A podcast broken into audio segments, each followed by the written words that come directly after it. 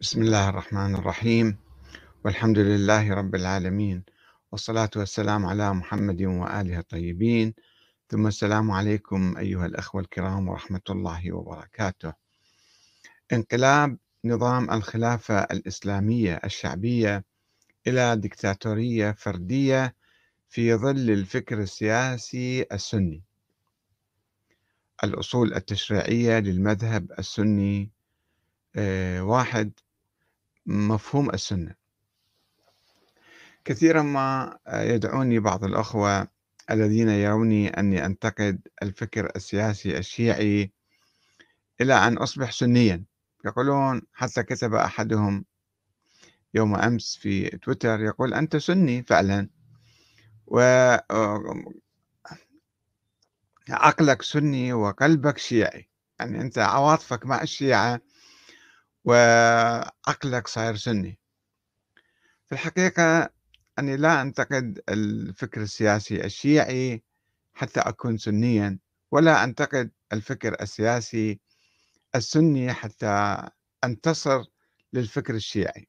أنا أعتقد الفكر السياسي السني والشيعي هما من تراث الأمة الإسلامية وهما آه، وكل الأفكار الأخرى والنظريات الأخرى هي ملك الأمة الإسلامية.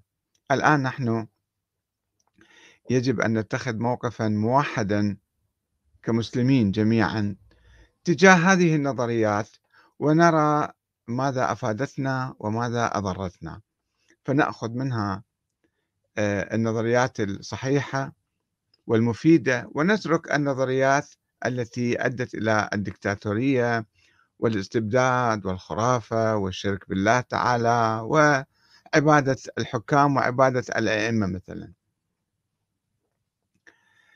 لذلك أنا بحثت في الحقيقة كما بعدما بحثت في الفكر السياسي الشيعي من الشورى إلى ولاية الفقيه ويشوفون هذا الكتاب اللي خلفي. وبحثت أيضا الفكر السياسي الوهابي. بحثت أيضا قبل أكثر من عشر سنوات 12 13 سنة الفكر تطور الفكر السياسي السني. نحو خلافة ديمقراطية. طرحت في هذا الكتاب نظرية الديمقراطية الإسلامية بمعنى أن الخلافة تكون شعبية وليست شخصية بحاكم مثلا معين يقول أنا خليفة المسلمين وبالتالي ينقلب على الخلافة.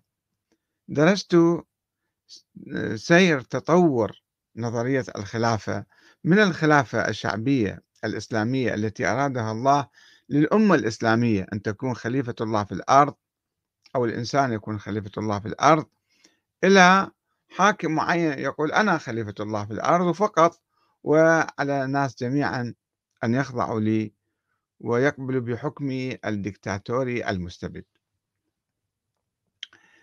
آه آه مثلا الله سبحانه وتعالى في القرآن الكريم في حوالي خمس آيات يتحدث عن الخلافة. يقول في سورة البقرة آية 30 وإذ قال ربك للملائكة إني جاعل في الأرض خليفة. قالوا أتجعل فيها من يفسد فيها ويسفك الدماء؟ ونحن نسبح بحمدك ونقدس لك. قال إني أعلم ما لا تعلمون. إذا هذا الله وضع الإنسان خليفة في الأرض. وهناك معنى أخص في سورة يا داود إنا جعلناك خليفة في الأرض فاحكم بين الناس بالحق ولا تتبع الهوى. خليفة يعني صار مو فقط يعني هو صار حاكم خليفة الله في الأرض ملك كان. ولا تتبع الهوى فيضلك عن سبيل الله. إن الذين يضلون عن سبيل الله لهم عذاب شديد بما نسوا يوم الحساب. فإذا الله تعالى حتى عندما يعين نبي معين خليفة في الأرض يأمره آه، بالحكم بين الناس بالحق على العكس من الخلفاء الذين ادعوا الخلافة وبدأوا يظلمون الناس ويطغون في الأرض ولا يتبعون الهدى. وأيضا الله سبحانه وتعالى يخاطب المسلمين عبر التاريخ وليس فقط الأمة الإسلامية حاليا. في سورة الأعراف آية 69 أو عجبتم أن جاءكم ذكر من ربكم على رجل منكم لينذركم واذكروا إذ جعلكم خلفاء من بعد قوم نوح. أنتم صرتوا يعني تحكمون الأرض أو ورثتموه ورثتوا ذلك آه، ذلك القوم السابق. وزادكم في الخلق بسطة فاذكروا آلاء الله لعلكم تفلحون. في سورة الأعراف أيضا آية 74 واذكروا إذ جعلكم خلفاء من بعد عاد وبوأكم في الأرض تتخذون من سهولها قصورا وتنحتون الجبال بيوتا فاذكروا آلاء الله ولا تعثوا في الأرض مفسدين. وفي سورة النمل آية 62 أما يجيب المضطر إذا دعاه ويكشف السوء ويجعلكم خلفاء الأرض. أإله مع الله قليلا ما تذكرون. هذه الخلافة التي يريدها الله أنا أطلقت عليها الخلافة الديمقراطية يعني الخلافة الشعبية الإسلامية التي تعمل بأوامر الله تعالى وتقيم الحق والعدل في المجتمع. ولكن بعد الخلفاء الراشدين تدهورت آه، الخلافة اسم الخلافة يعني بقى و إجوا ناس ظالمين مستبدين طغاة كانوا يحكمون بالباطل ويدعون هم أنفسهم يعني هم خلفاء الله في الأرض. والمشكلة ليست هنا فقط وإنما في الفكر الذي أضفى على هؤلاء الخلفاء المنقلبين والمتضادين مع الخلافة الإلهية اسم الخلافة الشرعية.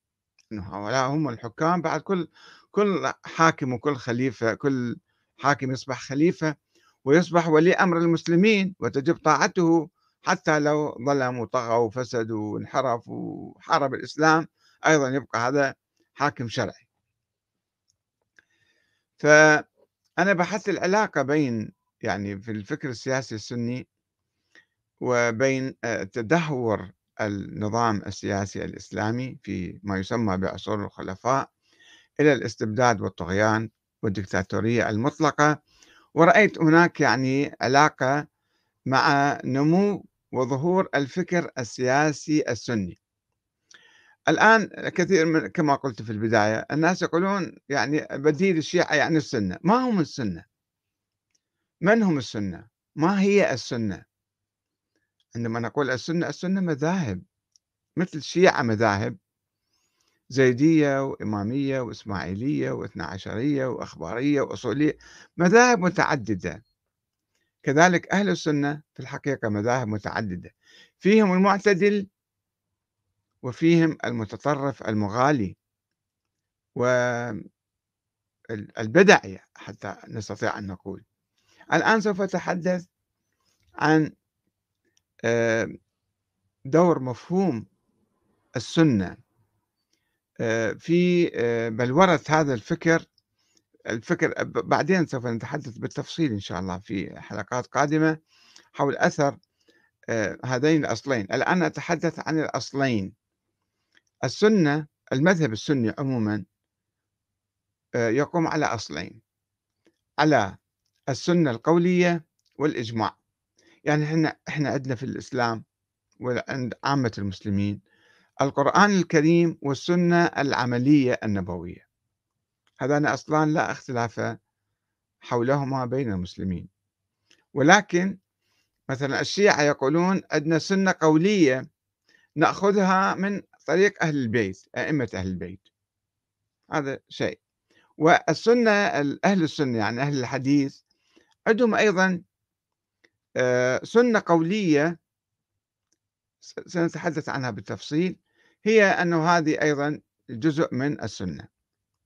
وبالتالي يبنون كثيرا من الأحكام والنظريات على هذه السنة القولية وليست السنة العملية. وهناك أصل آخر تفرع من هذه آه، من هذا الأصل هو الإجماع. الفقهاء السنة يأخذون بالإجماع كمصدر من مصادر التشريع وبالتالي يقولون يعني يبنون أحكامهم على هذا الأصل. فنتكلم الآن عن الأصل الأول لدى المذهب السني هو السنة. المقصود من السنة هنا ليس هي السنة النبوية العملية الثابتة والمتواترة التي أجمع على قبولها جميع المسلمين من مختلف الطوائف وإنما الأحاديث الضعيفة وأخبار الآحاد والمتناقضة وأخبار الآحاد المشكوك بصدورها عن النبي. يبقى فيها شك أخبار الآحاد ما يمكن أن نتأكد منها مية بالمية وهذا الشك كان في الصدر الأول. والتي كانت تنتشر وتتكاثر في القرون الثلاثة الأولى وبلغت مئات الألوف والتي أعطت المذهب السني اسمه ومعناه المذهب السني قام على هذه الأحاديث. وكانت السنة فيما قبل قبل ما يطلع المذهب السني أي في القرن الأول الهجري مثلا تعني كما يقول صديقي الدكتور المرحوم الدكتور طه جابر العلواني وهو من علماء أهل السنة الأفاضل. آه، يقول الأمور السنة ماذا تعني؟ الأمور التطبيقية والعملية والفعلية التي واظب رسول الله صلى الله عليه وآله عليها وداوم فعلها وتكرارها حتى صارت طريقة له في العمل والحياة. وفهم الناس من ذلك أنهم مندوبون إلى متابعته فيها.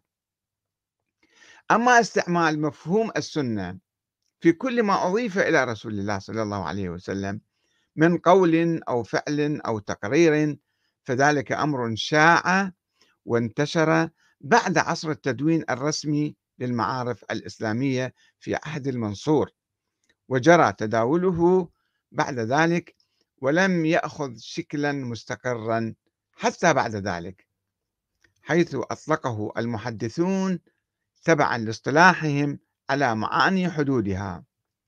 يقول ذلك الدكتور العلواني في بحثه عن السنة النبوية الشريفة ونقد المتون.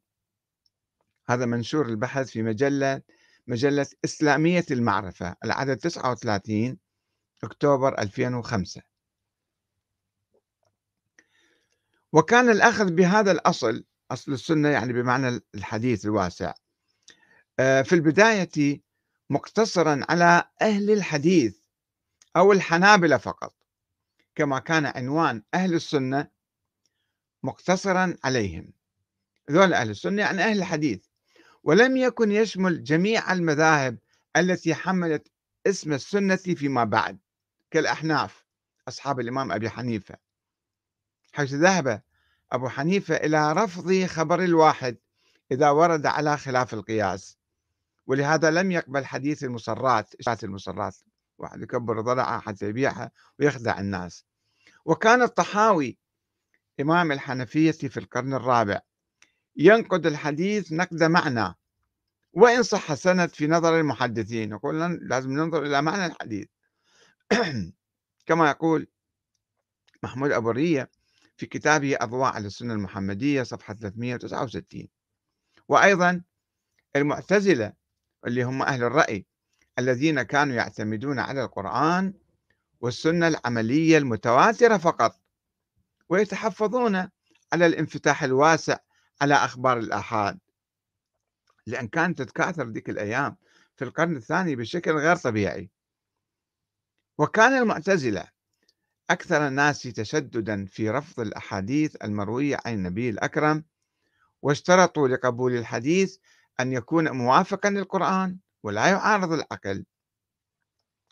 وكان العلاف أحد أئمة المعتزلة يرى أن الحجة بالخبر عن النبي لا تقبل إلا بشهادة عشرين رجلا تشترط فيهم العدالة.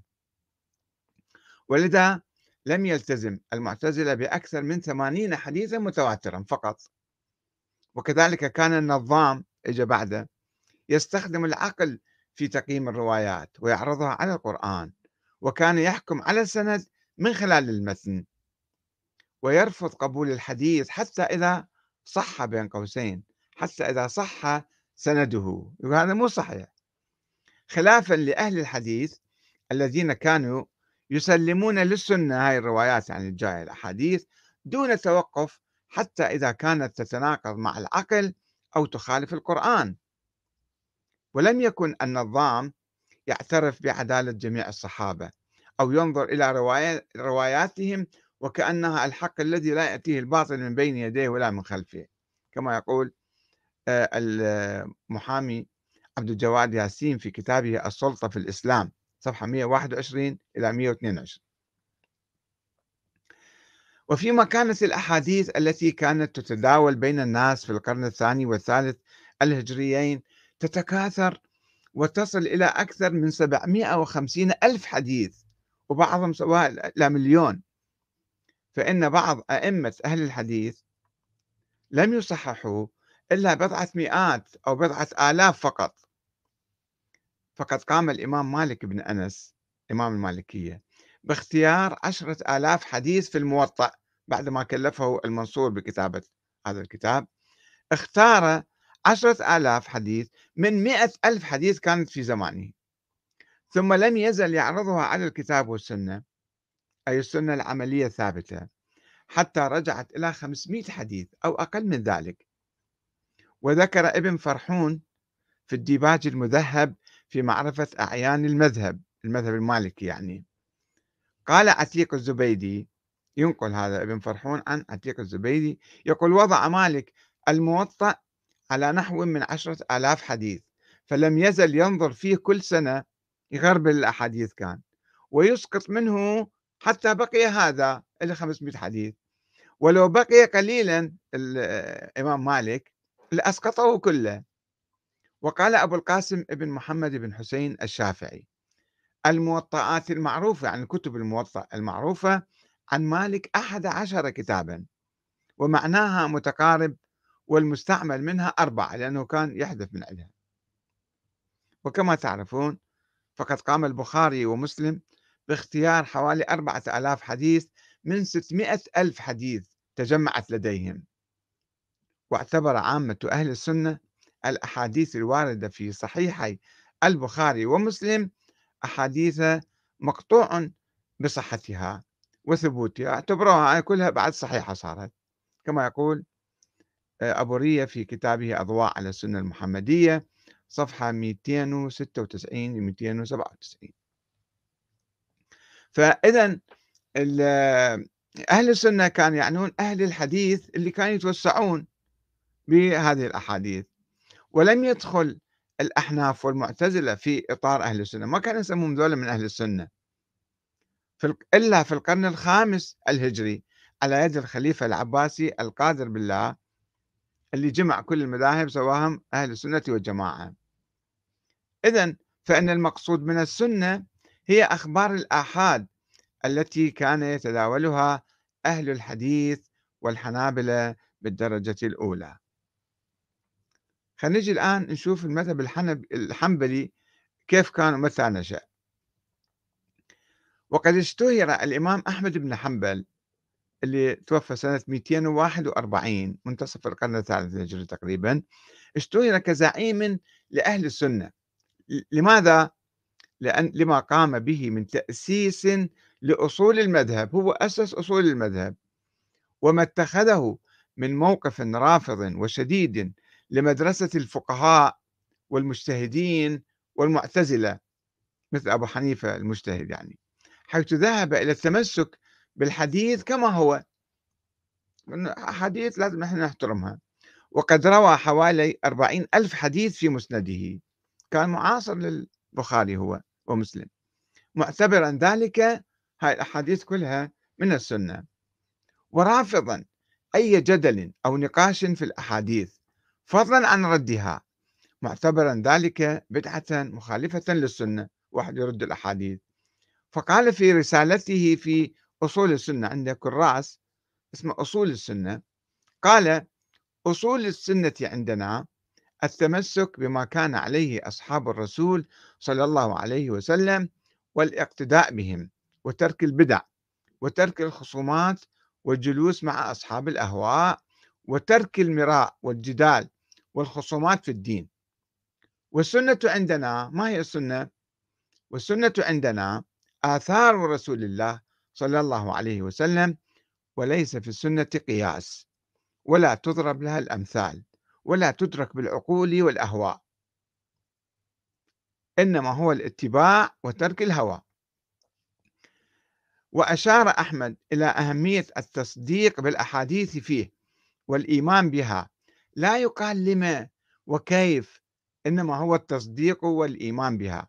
ومن لم يعرف تفسير الحديث ويبلغه عقله فقد كفي ذلك وأحكم له فعليه الإيمان به والتسليم له. ثم طالب بالتسليم للأحاديث التي اعتبرها صحيحة. كل الأحاديث عنده صحيحة صارت. وقال لا يكون صاحبه وإن كان بكلامه سنة. لا يكون من أهل السنة حتى يدع الجدال ويسلم ويؤمن بالآثار. والحديث عندنا على ظاهره.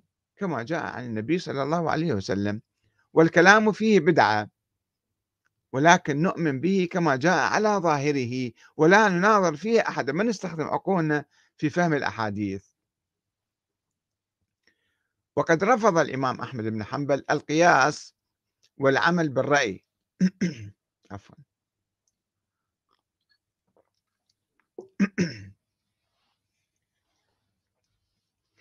وذهب إلى تفضيل الأحاديث المرسلة والضعيفة على الرأي واعتبار ذلك أصلا من أصول السنة خلاف الإمام أبي حنيفة يعني.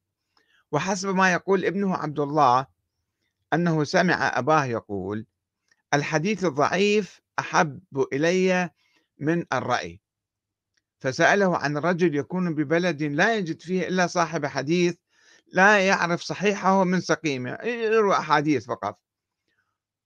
موجود واحد مثل هذا وأيضا وأصحاب رأي. فتنزل به النازلة عنده في المسألة يسأل المن يروح؟ فقال أحمد بن حنبل يسأل أصحاب الحديث ولا يسأل أصحاب الرأي. ضعيف الحديث أقوى من الرأي. كما ينقل آه، ابن القيم في أعلام الموقعين جزء واحد صفحة 76 و 77 ورغم وجود شكوك حول صحة كثير من الأحاديث وبالخصوص أخبار الآحاد وبالأخص الأحاديث المناقضة للعقل والقرآن. فإن أهل الحديث أو أهل السنة اللي كانوا يسمون نفسهم أي الحنابلة يعني هؤلاء أطلقوا على كل ما وصل إليهم من أحاديث اسم السنة إذا صح السند لديهم. ورفضوا دراسة متنها وتنقيحها على هذا الأساس. يقول القاضي عبد الجواد ياسين يلخص الذهبي وهو يؤرخ ليحيى بن سعيد القطان وهو من أقطاب أهل الحديث الأوائل. يلخص منهج السلف السندي الإسنادي بقوله لا تنظروا إلى الحديث يعني المتن ولكن انظروا إلى الإسناد فإن صح الإسناد وإلا فلا تغتروا بالحديث. يقول في كتابه السلطة في الإسلام صفحة 119 وفي هذا يقول أحد أعمدة المذهب الحنبلي وهو الإمام البربهاري في القرن الرابع الهجري أو الخامس اعلم رحمك الله إنه ليس في السنة قياس ولا يضرب لها الأمثال ولا تتبع فيها الأهواء وإنما هو التصديق بآثار رسول الله صلى الله عليه وآله بلا كيف ولا شرح ولا يقال لما وكيف؟ والكلام والخصومة والجدال والمراء محدث يقدح الشك في القلب وإن أصاب صاحبه الحق والسنة. يقول أيضا واعلم رحمك الله إن الدين إنما جاء من قبل الله تبارك وتعالى لم يوضع على عقول الرجال وآرائهم وعلمه عند الله وعند رسوله فلا تتبع شيئا بهواك فتمرق من الدين فتخرج من الإسلام. واعلم رحمك الله إن من قال في دين الله برأيه وقياسه وتأويله من غير حجة من أهل السنة والجماعة فقد قال على الله ما لا يعلم. ويحذر البربهاري من الكلام وأصحاب الكلام والجدال والمراء والقياس والمناظرة في الدين ويقول إن استماعك منهم وإن لم تقبل منهم بس تقعد تستمع لهم يقدح الشك في القلب وكفى به قبولا فتهلك. وعليك بالأثر وأصحاب الأثر والتقليد فإن الدين إنما هو التقليد يعني للنبي صلى الله عليه وآله وأصحابه رضوان الله عليهم أجمعين. ومن قبلنا لم يدعونا في لبس فقلدهم واسترح ولا تجاوز الأثر وأهل الأثر. ويضيف لا يخرج أحد من أهل القبلة من الإسلام حتى يرد آية من كتاب الله عز وجل أو يرد شيئا من آثار رسول الله. إذا رديت شيء من آثار رسول من الأحاديث يعني فأنت خرجت من الإسلام. وإذا فعل شيئا من ذلك فقد وجب عليك أن تخرجه من الإسلام. وإذا سمعت الرجل يطعن على الآثار ولا يقبلها أو ينكر شيئا ينكر شيئا من أخبار رسول الله. فاتهمه على الإسلام فإنه رجل رديء القول والمذهب. وإنما طعن على رسول الله وأصحابه لأنه إنما عرفنا الله وعرفنا رسوله وعرفنا القرآن وعرفنا الخير والشر والدنيا والآخرة بالآثار. ثم يضيف يقول وإن القرآن إلى السنة أحوج من السنة للقرآن. القرآن يحتاج للسنة. وإذا سمعت الرجل يطعن على الآثار أو يرد الآثار أو يريد غير الآثار فاتهمه على الإسلام. ولا تشك أنه صاحب هوى مبتدع. وإذا سمعت الرجل تأتيه بالأثر فلا يريده. يقول لك هذا حديث ضعيف ما قبله مثلا. ويريد القرآن يقول لك أنا أتمسك بالقرآن هذا حديث ما قبله مثلا. فلا شك أنه رجل قد احتوى على الزندقة فقم من عنده ودعه. وكل ما سمعت من الآثار مما لم يبلغه عقلك عقلك ما قدر يوصل ويفهم. نحو قول رسول الله صلى الله عليه وسلم قلوب العباد بين إصبعين من أصابع الرحمن. يعني الله عنده أصابع. وقوله أن الله تبارك وتعالى ينزل إلى سماء الدنيا وينزل يوم عرفة وينزل يوم القيامة وجهنم لا يزال فيها مطرح حتى يضع عليها قدمه. وقوله آه، خلق الله آدم على صورته. وقول النبي رأيت ربي في أحسن صورة. وأشبه هذه الأحاديث. يقول عندما تسمع هل الأحاديث هذه فعليك بالتسليم والتصديق والتفويض. لا تفسر شيئا من هذه بهواك. فإن الإيمان بهذا واجب فمن فسر شيئا من هذا بهواه أو رده فهو جهمي. هذه في كتاب شرح السنة بصفحات عديدة يعني من 19 و 36 و 46 و 33 و 42 وصفحات عديدة يذكرها. وهكذا يقول ابن زمنين الأندلسي.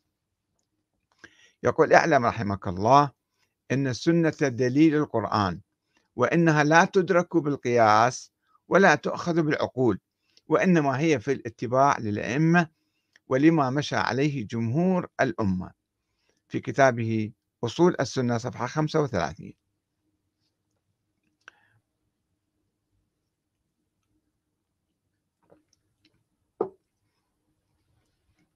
آه، هنا نصل على آه، يعني بعد أخذ الأحاديث بصورة يعني قوية جدا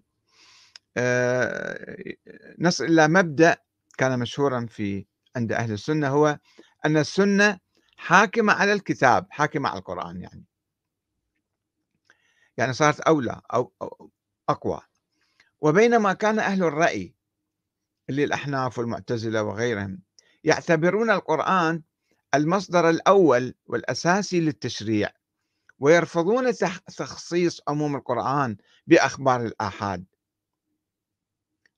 كان أهل السنة أو أهل الحديث يضع يضعون أخبار الآحاد في موازاة القرآن أو أعلى منه وذلك لأنهم نظروا إلى السنة باعتبارها نصا متكافئا أو مكافئا للقرآن من حيث وجوب العمل بكليهما فهما مع جزءان أو قسمان كلاهما يتمم الآخر ويجمعهما معا اسم النصوص الموحى بها كلها موحى من الله هذه. والتي يرجع إليها أولا في إثبات أحكام الشريعة. وحسب ما يقول الإمام الغزالي في كتابه المستصفى أن الكل من عند الله إن كلام الله واحد وليس بكلامين أحدهما قرآن والآخر ليس بقرآن. الاختلاف بينهما بالعبارة فقط. فربما عبر الله بكلامه بلفظ منظوم يأمرنا بتلاوته فيسمى قرآنا. وربما عبر بلفظ غير منظوم فيسمى سنة. والكل مسموع من الله وإن الناسخ هو الله في كل حال فإذا صارت السنة. يعني هالأحاديث أخبار الآحاد صارت موازية للقرآن الكريم. وأن أخبار الآحاد تملك صلاحية تخصيص العام الوارد في القرآن لأن دلالة العام في القرآن ظنية. وليست قطعية في دخول أفراد العام جميعا في معنى العموم. وبالتالي فإن أخبار الآحاد يمكن أن تخصص عموم القرآن من منطلق أن الظني يملك صلاحية تخصيص الظني. الأحاديث ظنية ودلالة القرآن ظنية فالظني يخصص الظني فصارت الأحاديث تخصص القرآن. وهذا له آثار سلبية كثيرة جدا في في القوانين والأحكام.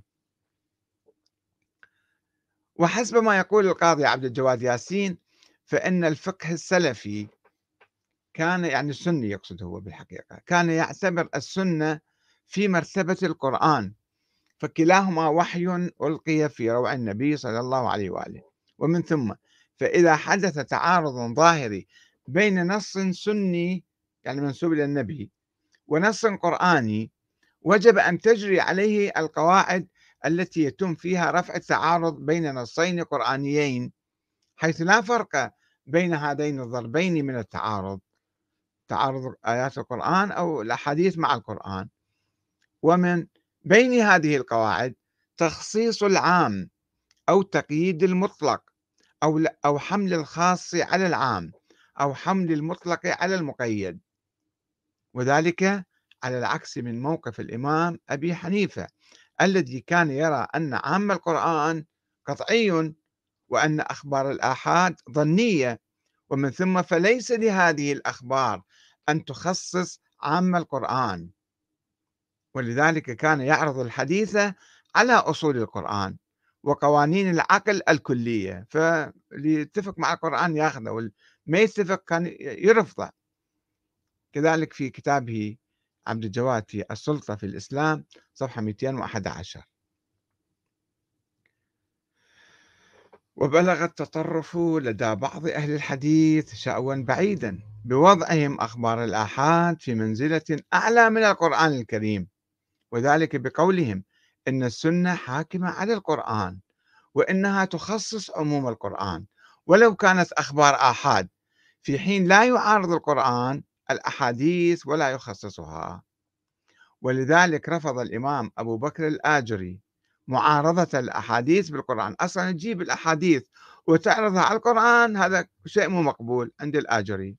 وأنكر ذلك وحذر منه أشد التحذير ووضع بابا خاصا في كتابه الشريعة. هو باب في التحذير من طوائف تعارض سنن النبي صلى الله عليه وسلم بكتاب الله عز وجل وشدة الإنكار عليهم. هذا عنوان فصل في كتابه. واستشهد بقول لسعيد بن جبير أنه حدث عن رسول الله صلى الله عليه وآله فقال رجل إن الله عز وجل قال في كتابه كذا وكذا. فقال سعيد لا أراك تعارض حديث رسول الله صلى الله عليه وسلم بكتاب الله عز وجل. رسول الله صلى الله عليه وسلم أعلم بكتاب الله عز وجل. هكذا يقول الآجري في كتابه الشريعة صفحة 51 واعتبر من يقول بها يعني يعارض الأحاديث بالقرآن خارجا عن ملة الإسلام وداخلا في ملة الملحدين. واشتهر عن يحيى بن كثير قوله السنة قاضية على الكتاب وليس الكتاب قاض على السنة. رواه الدارمي في سننه باب السنة قاضية على كتاب الله جزء واحد صفحة 117 وابن عبد البر في جامع بيان العلم جزء 2 صفحة 191 ورواه ابن شاهين في شرح مذاهب أهل السنة رقم 49 صفحة 104 والهروي في ذم الكلام رقم 211 وابن بطة في الإبانة الكبرى باب ذكر ما جاءت به السنة من طاعة رسول الله. رقم 88 89 والحازمي في الاعتبار صفحة 53 والخطيب في الكفاية صفحة 14 وأورده السيوطي في مفتاح الجنة صفحة 73 وابن قتيبة في تأويل مختلف الحديث صفحة 59 هذه رووا عن يحيى ابن كثير. هذا الرأي. السنة قاضية على على الكتاب وليس الكتاب قاض على السنة. وقال الإمام البربهاري أن القرآن إلى السنة أحوج من السنة إلى القرآن. وعندما سئل الإمام أحمد بن حنبل عن معنى قول السنة قاضية على الكتاب ما تفسيره يعني ماذا تعني هذه الكلمة؟ تردد بالحقيقة وقال ما أجرؤ على هذا أن أقول لكن السنة تفسر القرآن ولا ينسخ القرآن إلا القرآن. ولكن ابنه عبد الله قال سألت أبي أتقول في السنة تقضي على كتاب الله؟ قال قد قال ذلك قوم منهم مكحول والزهري. قلت لأبي فما تقول أنت؟ قال أقول أن السنة تدل على معنى الكتاب. وكان جواب أحمد هذا في الحقيقة غامضا. ولذلك ترك الباب مفتوحا أمام أبي أبي عمر ابن عبد البر ليفسره بقوله اجى فسر كلام أحمد بن حنبل. قال يريد أنها تقضي عليه وتبين المراد منه. نفس الشيء صار يعني. أي بما ينسجم مع نظرية يحيى بن كثير والتي تحرج الإمام أحمد من البوح بها بصراحة. وقد أكد المحدث المعاصر ناصر الدين الألباني مقولة السنة حاكمة على كتاب الله. وقال يجب اعتبار الكتاب والسنة مصدرا واحدا لا فصل بينهما أبدا. هذا في كتابه منزلة السنة في الإسلام صفحة 21 و 22 لاحظوا يعني هنا وضعنا الكتاب جانبا القرآن جانبا وصرنا نأخذ فقط الأحاديث ولذلك أطلق عليهم أهل السنة. بناء على هذه القاعدة السنة حاكمة على الكتاب. قال أهل السنة ليس كلهم طبعا إنما كما قلنا أهل أهل الحديث وأهل السنة الحنابلة.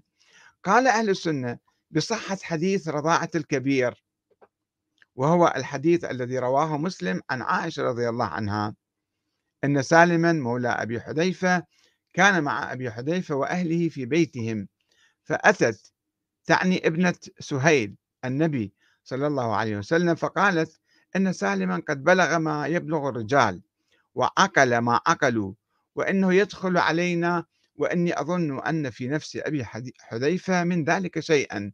فقال لها النبي صلى الله عليه وسلم أرضعيه؟ تحرمي عليه ويذهب الذي في نفس أبي حذيفة. فرجعت فقالت إني قد أرضعته فذهب الذي في نفس أبي حذيفة. وطبعا في تفصيل أكثر من هذا أنه قالت له هذا رجل كبير فقال نعم يعني النبي كان يعرف ذلك. آه، ف ولكن جمهور أهل السنة رفضوا غير الحنابلة يعني رفضوا العمل بهذا الحديث. وفسره بعضهم بالرضاعة عبر الإناء لأنها لم تكن آه، محرم له يعني حتى لو محرم حتى لو أمه ما يقدر يرضع من عندها. فكيف إذا كانت امرأة أجنبية؟ الرجل الكبير بعد ما يرضع يعني. ولا يجوز أن يمس شيئا منها ما دام أجنبيا. فكيف بالثدي؟ ولكن تقوم المرأة بوضع الحليب في إناء ثم يشربه على أن يكون خمس رضعات فيصير حلال عليها. هذا بعض السنة فسروا الحديث يعني قبلوه ولكن فسروه بهذا التفسير. وقد اختلف أهل السنة فيما إذا كان الحكم بالجواز خاصا لسالم بقت هذا قصة يعني حكم خاص بسالم. أم عاما لكل المسلمين أيضا صار نقاش ولا يزال حتى الآن موجود هذا النقاش. وأجاز ابن تيمية وابن القيم والألباني أجازوا الرضاع آه، للحاجة. قال إذا كان محتاج مضطر فيجوز يرضع من عندها حتى وإن كانت الرضاعة من الثدي مباشرة. وقال ابن تيمية أن ذلك رخصة لمن كانت ظروفه مثل سالم. وتبعا لذلك قال الشيخ ناصر بن سليمان العمر الآن معاصر هذا في السعودية قال يجوز إذا وجد وجدت الحاجة كما حدث في قصة سهل وس سهلة وسالم وهذا هو الراجح. فإذا وجدت العلة وجد الحكم إذا ناس مضطرين فيمكن يعني ترضع من عنده. أو ترضع ترضعه يعني. ولا دليل على الخصوصية. هذا الشيخ ناصر بن سليمان العمر يتحدث ذلك في موقع المسلم دوت نت. آه، يذكر ذلك. وطبعا يذكرون بالأثناء أنه أحد المشايخ في السعودية قبل فترة من الزمن رجل كبير اضطر لذلك وعمله واشتهر في في نجد هذا الشيء. وأصدر الدكتور عزت عطية رئيس قسم الحديث بكلية أصول الدين بجامعة الأزهر بتاريخ 16 على 5 على 2007 فتوى بجواز إرضاع المرأة المسلمة لزميلها في العمل كحل للخلوة المحرمة بينهما. ما يصير يقعدون وحدهم مثلا في مكتب يشتغلون فترضع فيصير حلال عليها. مبينا أن الإرضاع يكون بالتقام الثدي مباشرة مو فقط بالإناء. وليس بشرب حليب المرأة التي سترضعه في كأس يشرب في كأس مثلا لا. لازم يلتقم الثدي. وقال إن إرضاع الكبير يضع حلا لمشكلة الخلوة ولا يحرم النكاح. تبعا لرأي الليث ابن سعد. مؤكدا أن أن المرأة في العمل يمكنها أن تخلع الحجاب أو تكشف شعرها أمام من أرضعته. ف لا أريد أن أناقش هذا الموضوع. يعني يمكن المرأة تكشف شعرها أفضل ما أنا تجي ترضع واحد زميلها في العمل. يعني حرمة الرضاعة أسوأ بكثير وأشد بكثير من حرمة الإراحة مثلا كاشفة مثلا.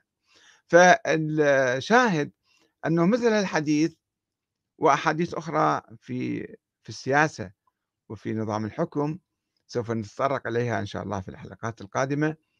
هي التي مهدت إلى الدكتاتورية والاستبداد والخضوع المطلق للحكام الظالمين الفاسقين الفجرة الزناة شاربي الخمر.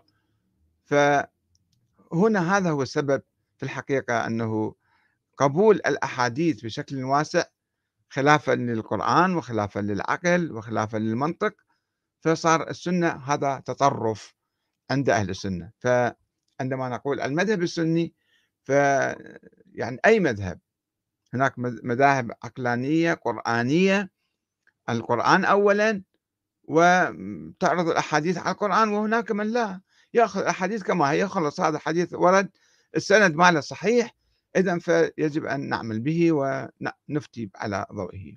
سوف نتحدث في الحلقة القادمة إن شاء الله عن أثر ذلك. أثر قبول الأحاديث بشكل واسع على نظرية عدالة الصحابة وأيضا على سنة الصحابة وما آه، تلا ذلك. والسلام عليكم ورحمة الله وبركاته.